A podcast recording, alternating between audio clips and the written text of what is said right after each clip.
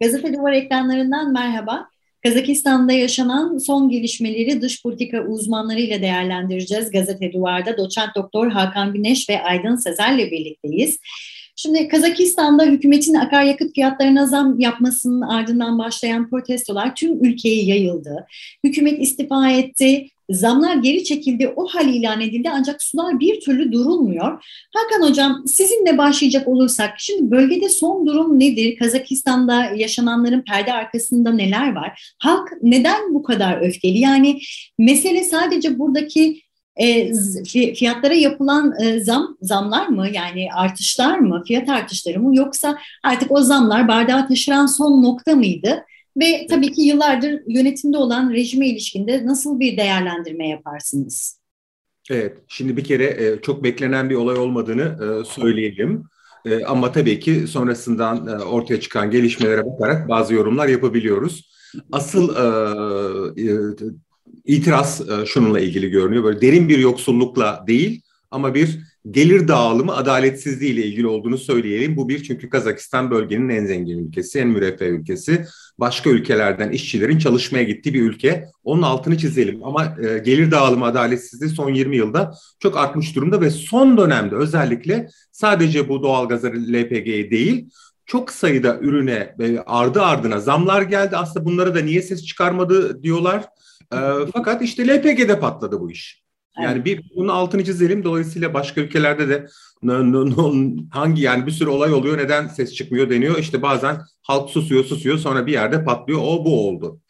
Şimdi o günden bugüne de tabii çok farklı bir e, seyir izliyor. Her şehirde de farklı. Özellikle ben e, bugün daha da fazla bunu fark etmeye başladım. Yani e, giderek de öyle olacak eğer devam e, edebilirse bu gösteriler.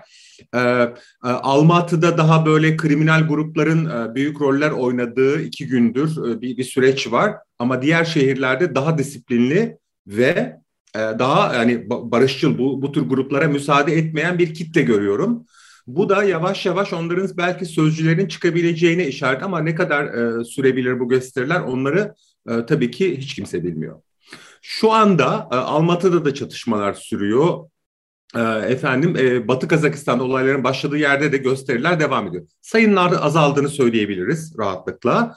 Ee, ondan sonra ve güvenlik kuvvetlerinin de e, bir e, iki önceki günkü dağınıklıktan çıkıp daha işte süreci kontrol etmeye başladığını söyleyebiliriz. Ama hala bütün bu olayların arkasında daha doğrusu ne diyelim olayların kriminalize edilmesinin arkasında kim var? İşte asıl soru bu. Çünkü e, yani e, yüz binlerce insan sokağa çıktı e, ve hiçbir tabii ki bir güvenlik sorunu olmadı. Evet. İnsanların evlerine giren, dükkanları yağmalayan falan filan şeyler olmamıştı. Sonra bir şey oldu. İşte onun arkasında kim var? Bu bu soru herkesin sorduğu soru.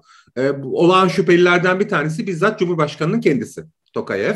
Yani düşünülenin aksine. Ama tabii bunu kesin olarak iddia etmek için biraz daha zamana ihtiyaç var. Veya e, onun yerine geçmek isteyen ama ona çok benzeyen belki de eski bakanlarından bazılarının oluşturduğu yeni bir koalisyon olabilir. Çünkü Kazakistan'da ve bu eski coğrafyada hep böyle oluyor bu tür olaylar. Yani Ukrayna'daki mesela yeni yönetimler de hep eski bakanlar.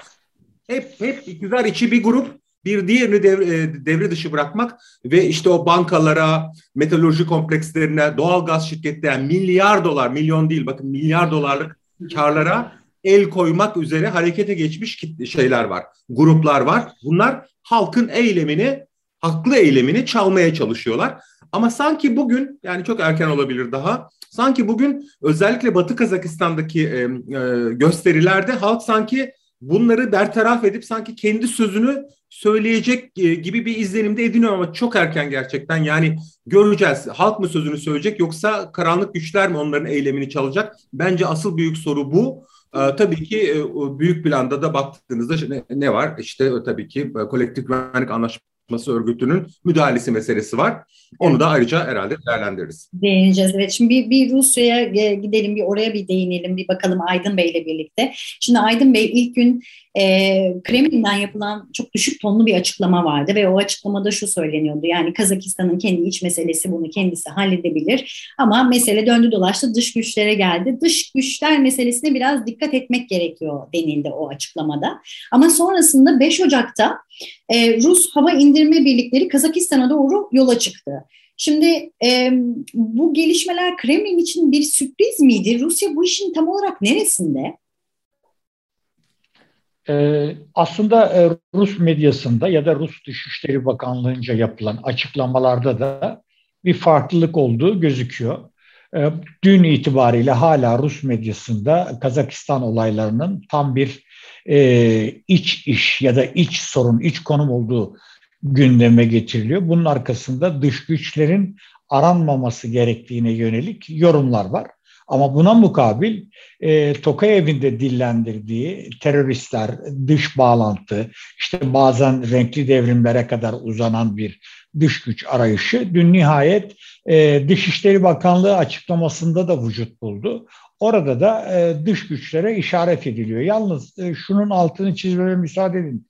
Lütfen e, Rusya'da resmi ya da medyada tartışılan dış güçler olgusu Türkiye'deki kadar hararetle ve şiddetle konuşulmuyor. Çünkü Türkiye'de hem Avrasyacı tabir edilen kesimin e, Soros ve renkli devrimlere atıfı hem de özellikle bölge kaynaklı analistlerin, Türkiye'de yaşayan analistlerin bu e, gelişmelerin arkasında Rusya'nın yayılmacı politikasının olduğuna yönelik e, çok farklı e, değerlendirmeler var.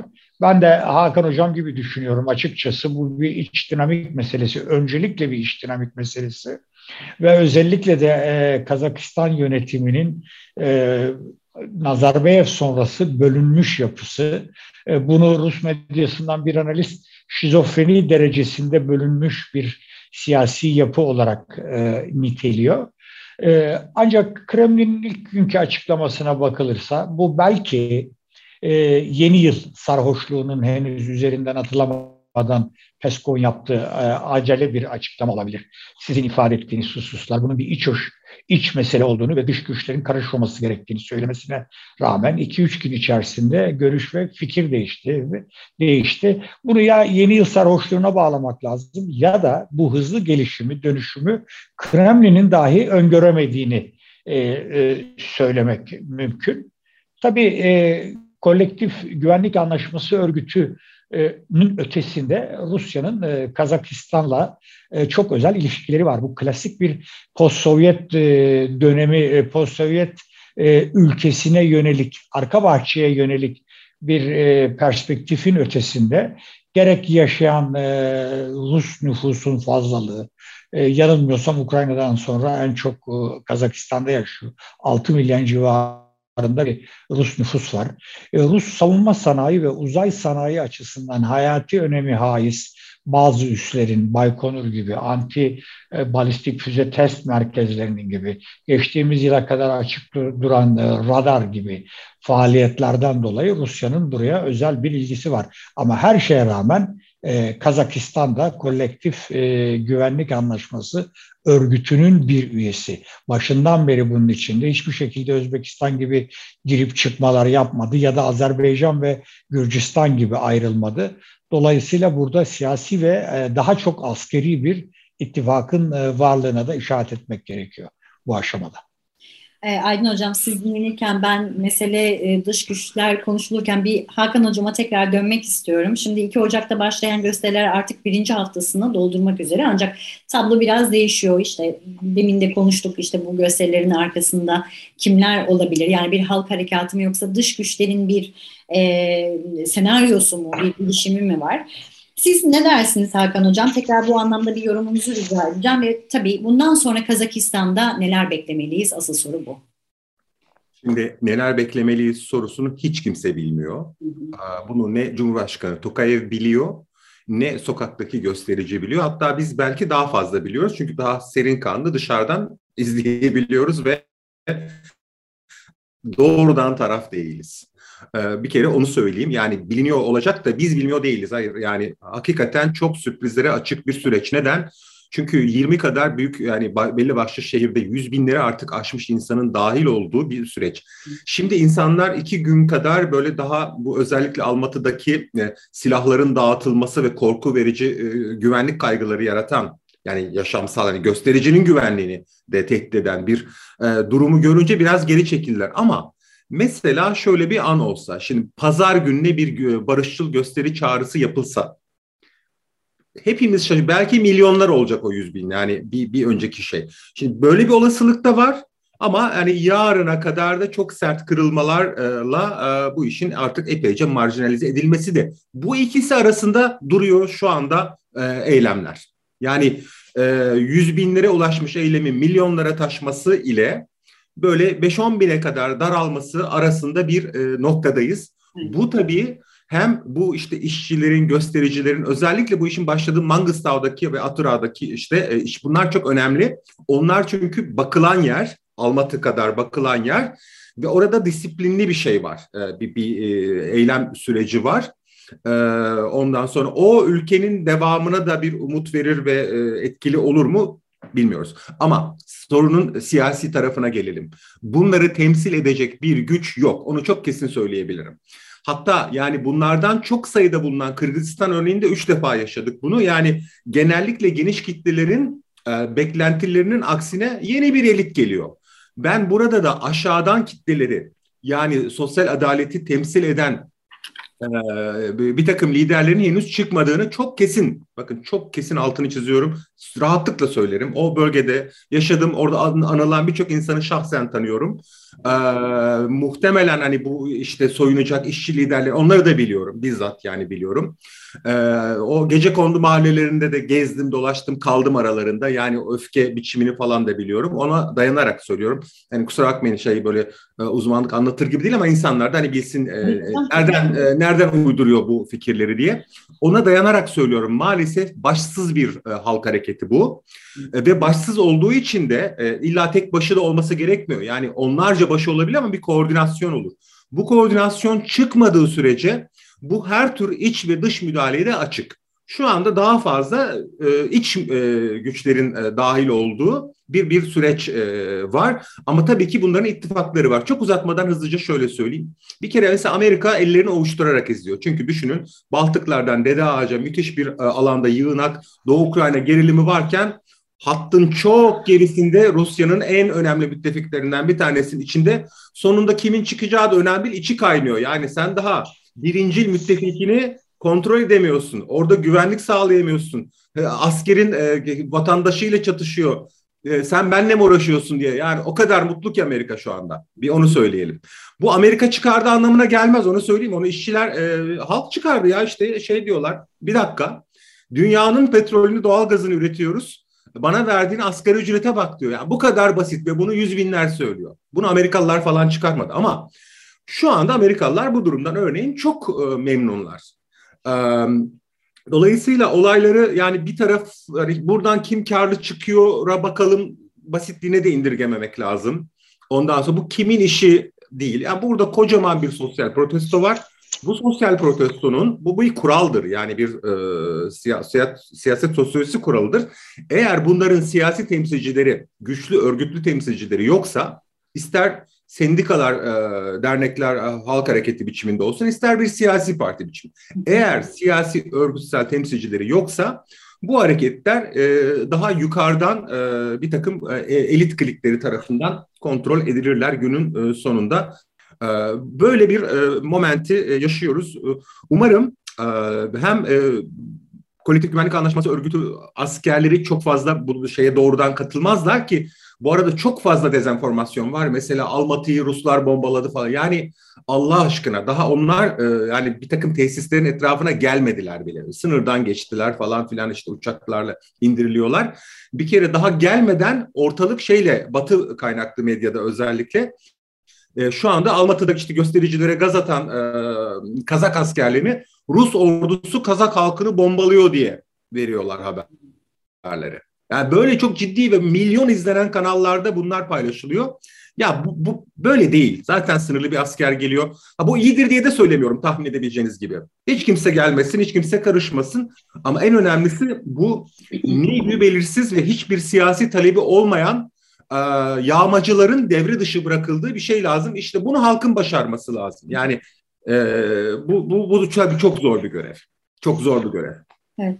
E, bassız bir halk harekatı dediniz. E, ABD'de elini ovuşturuyor şu anda. Bekleyip göreceğiz. E, çok teşekkür ediyorum Hakan Bey yorumlarınız için ama ben son olarak Aydın Bey'e bir sorum daha olacak. Şimdi Aydın Bey e, bu krize e, Ermenistan'ın, Paşinyan'ın e, dahil olması aslında şaşkınlık yarattı. Notlarımdan az önce de sizin söylediğiniz gibi Cumhurbaşkanı Tokayev'in Kolektif Güvenlik Anlaşması örgütünden yardım talep etmesi ve e, Kolektif Güvenlik Anlaşması örgütünün de müdahale bulun, müdahalede bulunma ya da barış gücü gönderme kararından bahsettiniz. Şimdi Rusya e, Kolektif Güvenlik Anlaşması örgütü ile ne yapmaya çalışıyor? Bir, bir bunu sormuş olayım. Yani bu nedir tam olarak bu e, kolektif güvenlik anlaşması örgütü ve buna ek olarak da biraz Türkiye'ye değineceğim.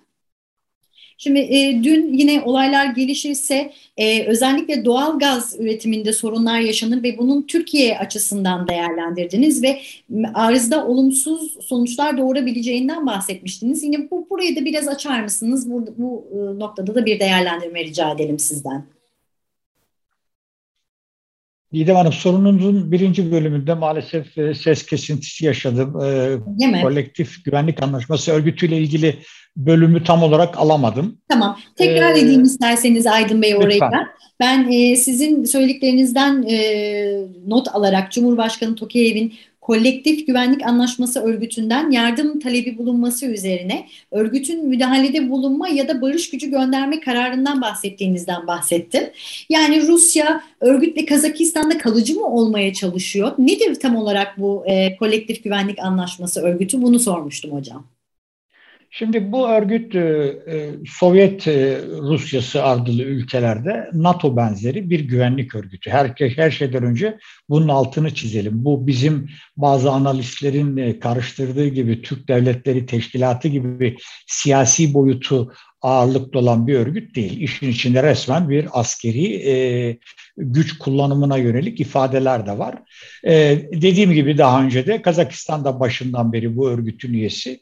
E, bu e, müdahalenin ya da barış gücü gönderilmesinin örgütün dört numaralı e, dördüncü maddesine istinad yapıldığı ifade ediliyor. Buna atıf var.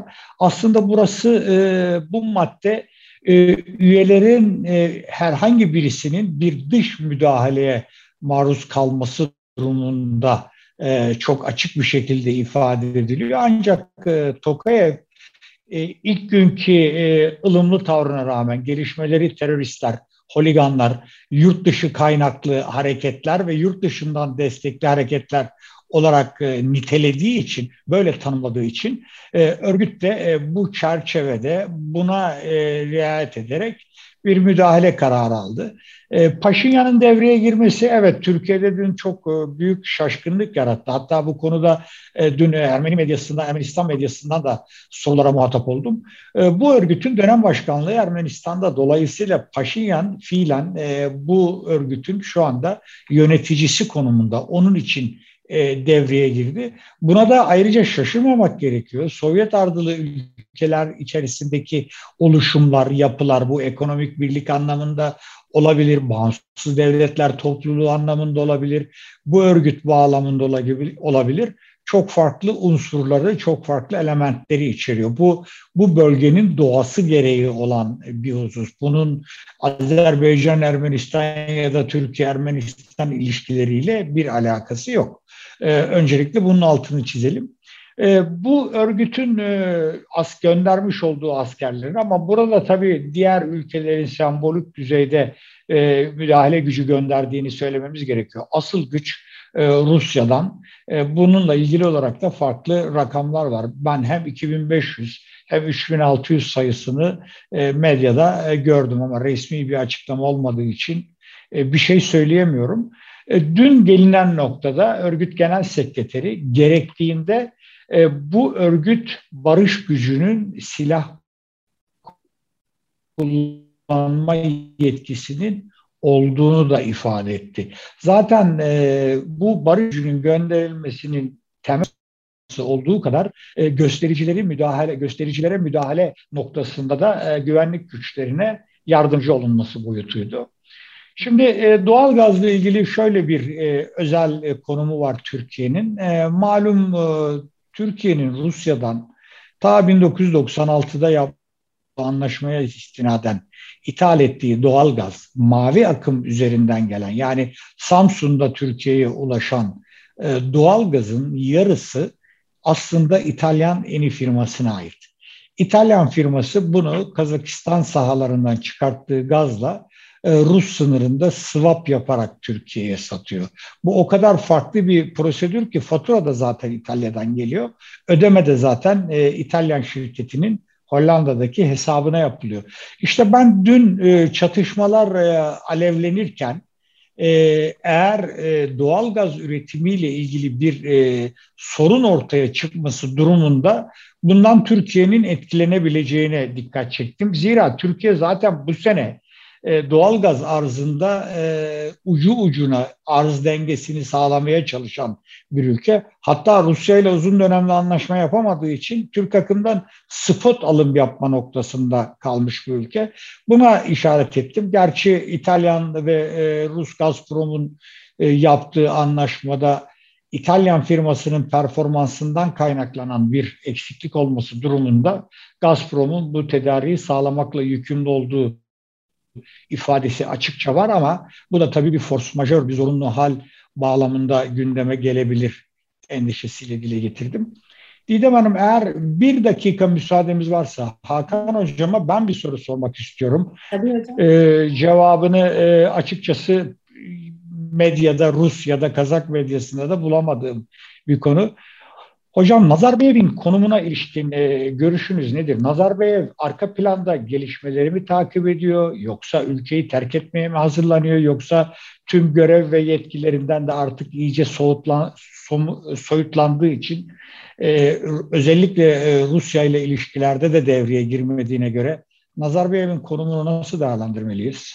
Hakikaten çok şüpheli bir durum ile karşı karşıyayız. Onun yani şöyle bir vasfa sahip olduğunu hatırlayalım. Kendisinin yarattığı bir vasıf ama ülkenin birinci cumhurbaşkanı yani bir nevi kendisini böyle bizim Atatürk'ün yerine adeta hani e, koymaya çalışan hani hani çeşitli cumhurbaşkanları baş şeyler seçilecek siyasetçiler ama bu kurucu cumhurbaşkanı yani böyle bir sıfat edindi onun için heykellerini diktirdi falan. Dolayısıyla şimdi bir kere o sıfatla işte en azından e, halkı sakin olmaya çağırabilir, yöneticileri sorumlu olmaya davet edebilir. Böyle bir tür siyaset üstü figür gibi konuşabilirdi. Ağzını açmadı, ortaya çıkmadı. Yok. Ee, çok çeşitli haberler var işte e, Moskova'ya kaçtığından tutun en son Bişke'ye vardı işte uçakla falan diye haberler sızıyor ama bunların henüz teyit edilmiş bir e, şeyi yok yanı yok. Bunların bir kısmı Rus haber e, kaynaklarından da geliyor. Şimdi burada tabii sizin sorunuz e, siyasi ve e, yanıtlanması kolay olmayan bir soru. Ama bu suskunluğun kendisini şöyle yorumlamak mümkün gibi. Yani bu Tokayev, Nazarbayev gerilimi iddialarını güçlendiren, çok da güçlendiren bir faktör bir. İkincisi Rusya'nın Nazarbayev'le olan çeşitli anlaşmazlıkları noktasında Tokayev'in Rusya tarafından daha tercih edilen bir lider olduğu e, ihtimali yine güçleniyor. İki, e, tam da normalde mesela Kırgızistan e, olaylarında olduğu gibi e, kolektif güvenlik anlaşması örgütünün tam da müdahale etmesi gereken e, Özbek kıyımının yaşandığı e, efendim e, o, olayda etmeyip şimdi burada daha yani işte en azından olaylar çok daha sınırlı e, ölümler anlamında falan. E, burada hemen müdahale etme kararını Rusya'nın almış olması üç yani bu faktörler bir araya geldiğinde Nazarbayev'in susmuş hatta susturulmuş ee, çok köşeye sıkıştırılmış olma olasılığı e, e, ciddi Anladım. güç kazanıyor. Ciddi güç kazanıyor. Ama ben de tabii sizin e, siz ne düşünüyorsunuz? Yani şeyi size de sormak isterdim. Doğrusu bu çok kritik bir soru. Bir cümleyle ben açıkçası tasfiye edilmekte olduğunu düşünüyorum. Her ikinize de çok çok teşekkür ediyorum yorumlarınız için. Dış politika uzmanları Kazakistan'da yaşanan son gelişmeleri gazete duvara değerlendirdi.